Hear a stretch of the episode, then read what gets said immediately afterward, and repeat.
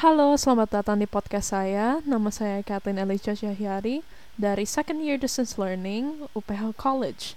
Dan pada hari ini saya akan membahas tentang begitu banyak hal mengenai etika. Sebenarnya apa sih etika itu? Nah, ini saya juga bingung.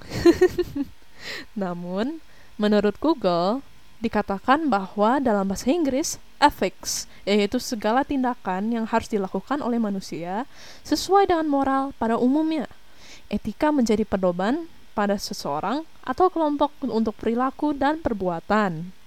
Nah, salah satu topik pada hari ini adalah apa yang kamu pahami mengenai hidup sehati dan sepikir. Kalau dipikirkan lagi, ini semua kembali pada etika dan menurut ajaran Kristen, etika merupakan sesuatu yang penting ya. Karena Tuhan Yesus juga memberikan teladan bagi kita untuk beretika dengan baik. Nah, ini kemudian berlanjut pada topik kita yang merupakan hidup sehati dan sepikir.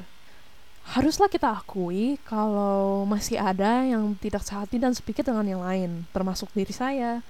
Tanpa kita pungkiri, bahwa maraknya hidup individual dan egoistis.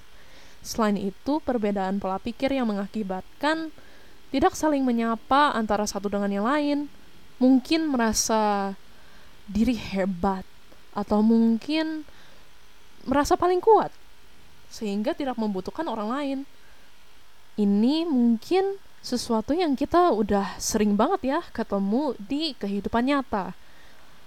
Saya juga saat masa-masa sekolah sering banget ketemu dengan orang-orang yang ya sok kuat, sok hebat, dan mereka pun tidak dapat diajak mengobrol. Begitu juga egoistis mengacu kepada kepentingan pribadi dan golongan tertentu tanpa melihat orang lain di sekitar. Ini mengingatkan kepada pengalaman saya bersama dengan teman-teman saya yang dahulu. Mungkin sekitar dua atau tiga tahun yang lalu. Namun ada banyak sekali teman saya yang hidup sesuai kasta mereka. Dalam tanda kutip kasta.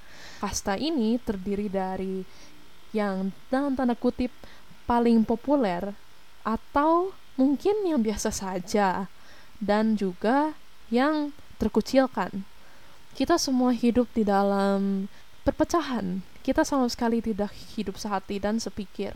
Yang dikatakan kasta yang lebih dalam tanda kutip tinggi dapat mengucilkan yang berada di bawahnya. Dan saya merupakan bagian dari yang biasa dan juga yang terkucilkan. Sudah jelas bila kasta ini ada, maka hidup sehati dan sepikir pun mustahil. Karena kita tidak melihat yang lain sebagai sesama kita. Kita hanya melihat mereka sebagai orang-orang yang kita temui setiap hari, namun kita sama sekali tidak berinteraksi. Dan bahkan mungkin ada teman saya juga yang membenci yang dikatakan kasta tertinggi karena mereka begitu sombong dan lain-lain. Nah, di sinilah saya belajar mengenai apa yang perlu kita lakukan agar kita semua dapat hidup sehati dan sepikir. Yang pertama adalah kerendahan hati yang sungguh-sungguh. Paling sering kita dengar tentang kerendahan hati sehingga membuat kita bosan. Namun harus terus diingatkan sebab terkait kerendahan hati sangat serius. Itulah sebab Yesus dalam pelayanannya menerapkannya Yesus mengetahui situasi dunia setelah itu bahwa tentang kesombongan dan keangkuhan merupakan realita yang nantinya akan ada tanpa dielakkan. Itu sebabnya Yesus lahir dengan kesederhanaan yang merupakan simbol kerendahan hati. Kemudian dalam pelayanannya, Yesus mencuci kaki para murid-muridnya. Oleh karena itu, setiap orang Kristen patut hal ini teladani dan menjadi contoh supaya kita hidup dengan rendah hati. Sebab orang yang rendah hati, maka dalam dirinya akan lahir Yesus Kristus. Oleh karena itu, apabila Yesus telah lahir dalam hidup kita, maka eratlah persaudaraan kita. Lalu yang kedua adalah saling mendahului memberi hormat.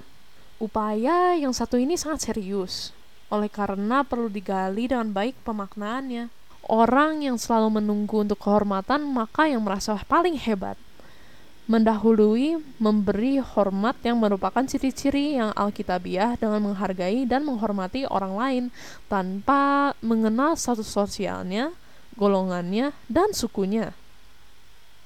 Yesus telah memberikan teladan bagi kita lewat perempuan berdosa yang dibawa ke hadapannya oleh orang Farisi dan kemudian Yesus menerimanya tanpa menghukum sekalipun dengan menantang orang Farisi untuk memulai menghukum jika di antara mereka tidak pernah bersalah sama sekali. Akhirnya, orang Farisi tidak berani menghukum, lalu pergi meninggalkan Yesus dengan perempuan itu. Selain itu, pertemuan Yesus dengan perempuan Samaria di sumur Yakub. Sesungguhnya orang Yahudi dan orang Samaria tidak bertemu karena adat istiadat yang mengikat. Namun, Yesus menembus segala batas itu dengan cara menghargai dan menghormati. Jadi, Yesus membuka hati untuk menerimanya dengan penuh kelemah lembutan, bahkan menerima kelemahan dan kekurangan orang lain. Oleh karena itu, orang yang dapat menghargai dan menghormati orang lain, maka dirinya akan lahir Yesus Kristus. Dalam kebenaran ini, maka patut dikatakan bahwa kita harus menghargai dan menghormati dan menghargai keterbatasan dan kelemahan orang lain. Itulah yang menurut saya adalah hidup sehati dan sepikir. Kemudian kita melanjutkan kepada topik yang kedua, yaitu tuntutan etika Kristen dalam hidup bersama. Menurut Google, etika Kristen merupakan tanggapan kepada kasih karunia dan pekerjaan Allah yang telah menyelamatkan manusia dari dosa. Titik acuan etika Kristen adalah kebenaran firman Allah yang dinyatakan dalam Alkitab, sesuatu yang mengarah pada firman Tuhan. Akhirnya sesuatu yang benar tidak akan bertentangan dengan firman Tuhan. Dalam firman Tuhan ini sebenarnya ada banyak banget ya teladannya. Tokoh-tokoh Alkitab atau mungkin Tuhan Yesus sendiri dan juga murid-muridnya. Tuntutan etika Kristen dalam hidup bersama. Saat mendengar itu, yang muncul di kepala saya adalah ayat firman Tuhan yang mengatakan, "Kasihilah sesamamu manusia seperti dirimu sendiri." Kemudian juga ada, "Kasihilah musuhmu." Dan menurut saya karena hal itu sudah disebutkan dalam firman Tuhan, tentu haruslah kita lakukan. Sebagian dari kita mungkin melihat hal ini sebagai hal yang mudah, namun, ada juga sebagian dari kita yang menganggap hal ini sebagai hal yang susah, apalagi mengasihi musuh kita. Wah, itu sih sudah susah banget ya. Karena musuh tentu kita benci karena hal-hal yang mereka sudah lakukan kepada kita atau mungkin hal-hal buruk yang sudah mereka lakukan. Namun dalam firman Allah dikatakan bahwa kita harus mengasihi musuh kita. Inilah salah satu tuntutan etika Kristen dalam hidup bersama yang harus kita lakukan. Tapi kalau dipikir-pikir, aduh, mengasihi musuh, kalau mengasihi sesama sih masih nggak apa-apa. Tapi musuh, dikatakan dalam Matius 5 ayat 43 sampai 48. Kamu telah mendengar firman, kasihilah sesamamu manusia dan bencilah musuhmu. Tetapi aku berkata kepadamu, kasihilah musuhmu dan berdoalah bagi mereka yang menganiaya kamu. Karena dengan demikianlah kamu menjadi anak-anak Bapamu yang di surga, yang menerbitkan matahari bagi orang yang jahat dan orang yang baik, dan menurunkan hujan bagi orang yang benar dan orang yang tidak benar. Apabila kamu mengasihi orang yang mengasihi kamu, apakah upahmu? Bukannya pemungkut cukai juga berbuat demikian? Dan apabila kamu hanya memberi salam kepada saudara-saudaramu saja, Apakah lebihnya daripada perbuatan orang lain? Bukankah orang yang tidak mengenal Allah pun berbuat demikian? Karena itu haruslah kamu sempurna, sama seperti Bapamu yang di surga adalah sempurna.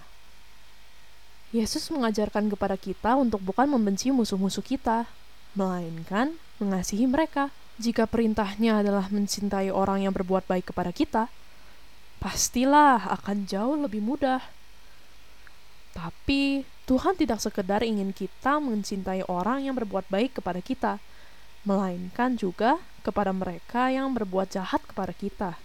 Setiap dari kita pasti pernah mengalami sakit hati yang sangat besar oleh karena seseorang. Mungkin ada yang dijahati oleh orang tuanya, mungkin ada yang dijahati oleh pasangannya, atau mungkin oleh sahabatnya. Saya tidak akan menganggap sakit hati yang mereka buat adalah sesuatu yang sepele. Saya tahu rasanya dan saya mengerti betapa pedih rasanya.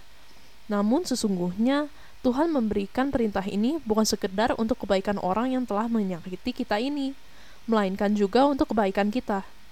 Saya telah berkali-kali melihat orang yang menemukan kelegaan atas kehidupannya setelah dia memaafkan orang yang telah menyakitinya. Tidak ada keuntungan yang akan kita dapatkan dari membenci seseorang, tetapi akan ada keuntungan yang sangat besar bagi kita yang berhasil melepas kebencian dan memberikan pengampunan. Selain perintah Tuhan, Tuhan Yesus juga sudah mengasihi musuh pada masanya. Tuhan Yesus tidak mengasihi dan memberikan nyawanya untuk menebus dosa kita karena kita baik kepadanya. Tuhan Yesus mengasihi kita dan memberikan nyawanya untuk menebus dosa kita ketika kita merupakan orang-orang bebal yang menolak dirinya. Kita yang dulunya adalah musuh Tuhan, kini telah dipanggil olehnya sebagai sahabat. Kita yang telah meninggalkan Tuhan, masih dipanggil olehnya sebagai seorang anak. Dan kita sering kali lupa untuk mengasihi Tuhan, tidak pernah sekalipun lupa untuk dikasihi olehnya. Dan ada pepatah dalam bahasa Inggris yang berkata, God knows your sin, but he calls you by your name. So don't call your enemies by their mistakes. Let us also call them by their name. Patah ini mengatakan bahwa Tuhan mengetahui dosa-dosa kita, namun Ia memanggil kita dengan nama kita. Jadi janganlah kita memanggil musuh-musuh kita dengan sahan mereka. Marilah kita juga memanggil mereka dengan nama mereka. Tentunya hal ini merupakan hal yang sangat sulit dan saya setuju. Rasanya mustahil bagi manusia untuk mengasihi musuhnya. Tetapi apa yang mustahil bagi manusia sangatlah mungkin bagi Tuhan. Marilah kita berdoa kepada Tuhan dan minta kekuatan kepadanya untuk memampukan kita, memaafkan dan mengasihi musuh-musuh kita. Lalu topik terakhir. Wow, kita sudah sampai pada topik terakhir pada hari ini. Topik ini adalah bahaya pelanggaran etika dalam hidup bersama. Loh, pelanggaran? Pelanggaran apa ya? Kita sudah ada tuntutan etika. Namun ada juga pelanggaran. Nah, pelanggaran-pelanggaran ini merupakan kebalikan dari kedua topik yang kita sudah bahas sebelumnya. Dan bahaya dari pelanggaran-pelanggaran ini adalah bahwa dosa kita semakin menumpuk karena kita sudah melanggar etika-etika yang sudah disediakan oleh Tuhan, terlebih tepatnya lewat Alkitab. Tidak hanya itu, kita juga melanggar etika dalam hidup bersama. Itu juga berarti bahwa kita mengikuti hal-hal duniawi yang bersifat menyinggung, menyakiti, dan hal-hal negatif yang lain. Tentunya Tuhan ingin melihat kita ikuti firman-Nya dengan beretika yang baik. Salah satu contoh pelanggaran dalam Alkitab adalah memakan buah pengetahuan baik dan jahat. Nah, siapa yang ingat dengan cerita ini? Cerita ini berada di kejadian di Taman Eden. Pasti dong pada ingat kalau tokoh-tokoh dalam cerita ini adalah Adam dan Hawa, merupakan pria dan wanita pertama yang dibuat oleh Tuhan. Dapat dilihat bahwa pada akhirnya karena Adam dan Hawa memakan buah pengetahuan baik dan buruk, mereka mengetahui bahwa mereka telanjang dan ingin menutup diri. Dan pada akhirnya mereka diusir dari Taman Eden dengan memakai pakaian yang dibuat oleh Tuhan. Nah, pakaiannya ini terbuat dari apa ya? Ternyata pakaian ini terbuat dari kulit binatang. Kulit binatang ini berasal dari binatang yang sudah Allah korbankan untuk Adam dan Hawa. Sudah ditunjukkan di sini bahwa dosa-dosa kita hanya dapat ditebuskan oleh darah. Dan setelah beribu-ribu tahun kemudian, Yesus dikirimkan ke bumi untuk bus dosa kita semua. Dan itu adalah melalui Yesus yang disalibkan di atas kayu salib dan bercucuran darah. Ia mengorbankan nyawanya demi kita semua, agar kita semua terselamatkan dari dosa-dosa kita. Tanpa Tuhan tentu kita akan binasa. Kita akan masuk ke neraka dan kita akan disiksa oleh para setan yang berada di situ. Namun karena Tuhan telah mengirimkan Yesus ke dunia dan dia sudah mengorbankan nyawanya, sudah mengorbankan dirinya, kita sudah terbebas dari semua itu. Sekarang kita tinggal mengikuti etika-etika yang sudah Tuhan berikan di dalam Alkitab dan juga yang Tuhan bicarakan kepada kita. Mungkin melalui orang tua kita atau mentor kita atau mungkin dari teman dekat kita yang kita tidak sadari. Maka dari itu marilah kita beretika dengan baik di dalam dunia ini sesuai yang diperintahkan oleh Tuhan. Terima kasih sudah mendengarkan sesi podcast pada hari ini. Saya Katrina Alicia Cahyadi dan saya pamit undur diri. See you later. Bye-bye.